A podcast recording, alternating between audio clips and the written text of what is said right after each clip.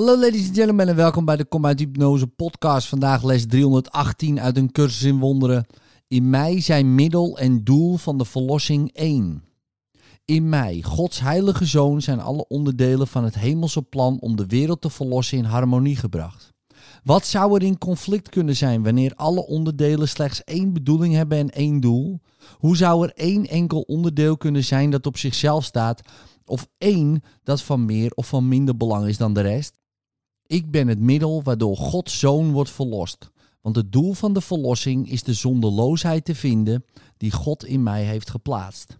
Ik werd geschapen als hetgeen ik zoek.